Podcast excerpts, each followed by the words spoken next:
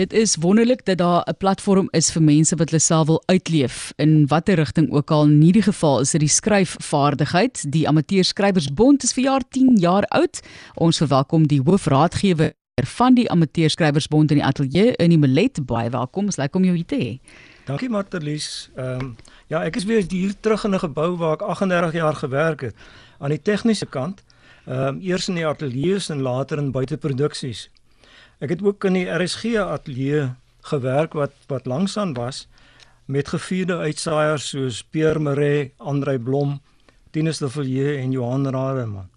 En dit was wonderlike jare want ek het uit dit het ek geleer hoe 'n mens klein stukkies bymekaar kan sit om byvoorbeeld 'n hoorbeeld of 'n uitsending te maak.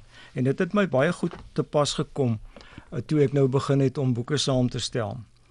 Voordat ek afgetree het, het ek besluit dat ek nie kon stil sit by die huis nie omdat ek nog iets met my lewe wil doen. En ek het my ma het dus aan die einde van 2008 na 'n wildvreemde omgewing verhuis, naamlik die historiese sending dorpie Suurbraak, so oos van Swellendam om gemeenskapswerk te doen. En ek het op daai stadium met reeds 3 romans voltooi waarvan Perskor 1 die dood het ag pote gepubliseer het. En ons stig toe 'n ATKV tak. En in 2012 toe vier die dorpie sy 200 jarige bestaan. En die boek wat hulle uitgee om die fees nou te vier was nou regtig 'n wurgpatat en ek dink toe maar dit kan nie so aangaan nie mens vier nie so fees nie.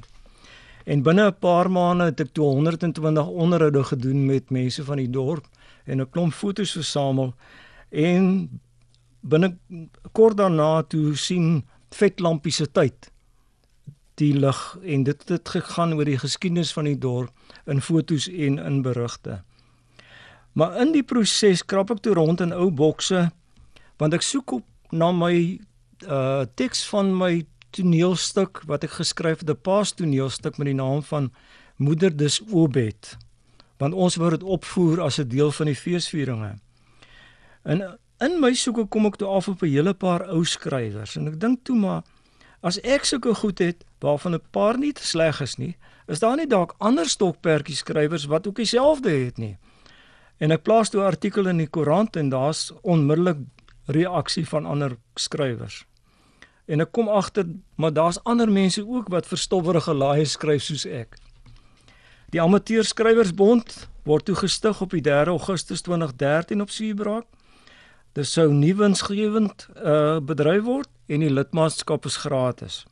En 'n jaar daarna verskyn Storieskrywers lekker met die werk van 23 van die onbekendste skrywers in Suid-Afrika. Dit lê toe die grondslag van alle uh ASB publikasies, naamlik dat ons skrywers oplei en dan hulle gedigte en kortverhale gebruik in 'n bundel. Want dit is tog al wat uh skrywers nodig het. As hulle wil net hê gee vir ons asseblief wat ook die afkorting van ASB is. Gee vir ons asseblief net 'n kans. En ek stel toe 'n skryfkursus saam met die naam van riglyne vir amateurskrywers en ons begin skrywerswerkswinkels doen. Toe nader die Montetjie Boekefees ons om betrokke te raak. Ons doen skryf en digkompetisies en 'n bundel Sprankel en Kwetter verskyn, die twee bundels. Sprankel word die grootste promosie van stokperdjie skryf ooit in Suid-Afrika met nie minder nie as 122 skrywers. Intussen ontvang ons 3 Merite toekenninge van die ATKV vir taalbevordering en ons lede taal groei toe tot oor die 400. In 2019 keer ek toe terug na Kaapstad om nader aan my familie en aan meer van my skrywers te kom. Die pandemie slaan toe, maar ons publiseer nog altyd bundels. Die eerste ene was Tierland Tonkels, 'n kinderbundel. My kortverhale bundel Anti Merlin en die Spiertier en die Aardesture SOS met meer as 300 fotos oor die goeie en die skadelike wat op ons enigste woonplek gebeur. In dieselfde tyd terug ek ook 'n praatkamer in by my huis waar skrywers kan kom om persoonlik opgelei te word en hulle eie boeke en bundels om aan, aan hulle eie boeke en bundels te werk. En nou sit ons hier met oesdans 10 jaar daarna. 'n Oesdans word gehou aan die einde van 'n seisoen en dit is wanneer die boere en die werkers feesvier omdat hulle 'n goeie oes gehad het en dit is waar die naam oesdans vandaan kom. En dit is nou wat ons ook doen. Dit is ons oesdans wat ons hou omdat ons 10 jaar in die gang kon gebly het.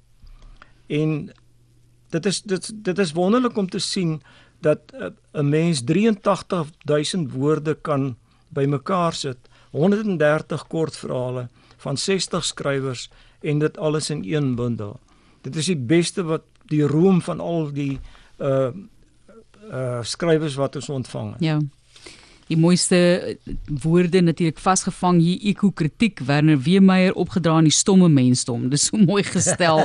Gegrond Elise Skuman. Mense kan lekker saam lees. Dis regtig 'n geleentheid. Ons weet hoe moeilik dit is om byvoorbeeld jouself deur 'n professionele maatskappy gepubliseer te kry. Daar's baie geld by betrokke. Dis moeilik om om jouself in die druk media in te kry om 'n boek op die rak te sien. Is 'n groot droom vir baie mense en dit is wat die Amateursskrywersbond natuurlik vir mense bied is 'n uitlaatklep op 'n manier. Wat lê vir julle voor in die met die volgende 10 jaar? Ehm um, ek sou sê dat ons wil graag aangaan soos wat ons besig is om aan te gaan. Uh, ons vind al hoe meer skrywers wat en digters wat voel dat hulle hulle eie bundels wil uitgee.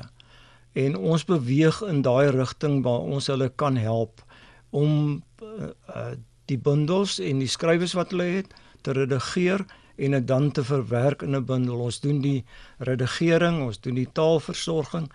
Uh ons kan selfs die buiteblad ontwerp vir die vir die persone doen teen 'n laer prys as wat normaalweg ja. gevra word. Dit vervat soveel elemente soos jy nou praat die voorblad moet ook uitgewerk word, iewers moet dit gedruk word en om te weet hoe om dit versprei is natuurlik ook 'n groot groot aspek. Dis Ernie Millet en hy is die hoofraadgewer van die Amateur Skrywersbond. Nou jy sê vir my jou uh, nuusbrief word uitgestuur aan amper 500 lede. So hoe baie lede kan jy akkommodeer want jy moet ook op op 'n manier hier teenoor byvoorbeeld 60 skrywers en digters in een boek saamgevat. Daar's ook net soveel soos wat jy self seker kan doen en lees. Hoe baie ontvang jy en hoe baie het jy nog plek vir in die toekoms? Kyk, ons nooi skrywers uit om vir ons eh, so 3 of 4 van hulle skrywers te stuur. Dit kan nou of kort verhale wees of gedigte of 'n kombinasie van die twee. En dan wat ons doen is ons gee vir hulle dan kommentaar en raad en wenke hoe om dit te verbeter. Ehm um, en dan gaan hulle tot op die volgende trappie en van daardie plek af werk hulle dan weer hoër. Uh ons gee vir hulle ook uh, ek is geneig om lys. Ja. Wat hulle ook baie help. Want die hele doel van daai lys is om die lys al korter te laat word. Sien nou maar byvoorbeeld die skrywer of die digter gebruik dieselfde woord baie keer oor. Dan kom dit op ek is geneig om lys. en dan die volgende keer wanneer jy goed uit uh, instuur, dan moet 'n verbetering wees op wat jy van tevore gedoen het. Fantasties. En en so werk 'n mens dan op teen die leer en die skrywer raak al hoe beter. Want ons werk saam met die skrywer, maar ons wil nie uh net redigering doen vir die skrywer nie. Want ons voel ons kan jou skryffiets help stuur, maar jy moet self trap. Baie baie dankie. En jy kry jy homself kans om 'n bietjie te skryf. So tussen nou ek het daarom so 3 romans geskryf in 'n kort verhale bundel en dan vir, ek ek help graag vir ander mense en dit is die hoofdoel waarom ek dit doen. Fantasties. Ehm uh, stokperdjie skryf is nie net uh iets wat ek wat ek graag wil doen nie, maar dit is my passie en ek wil graag ander mense help.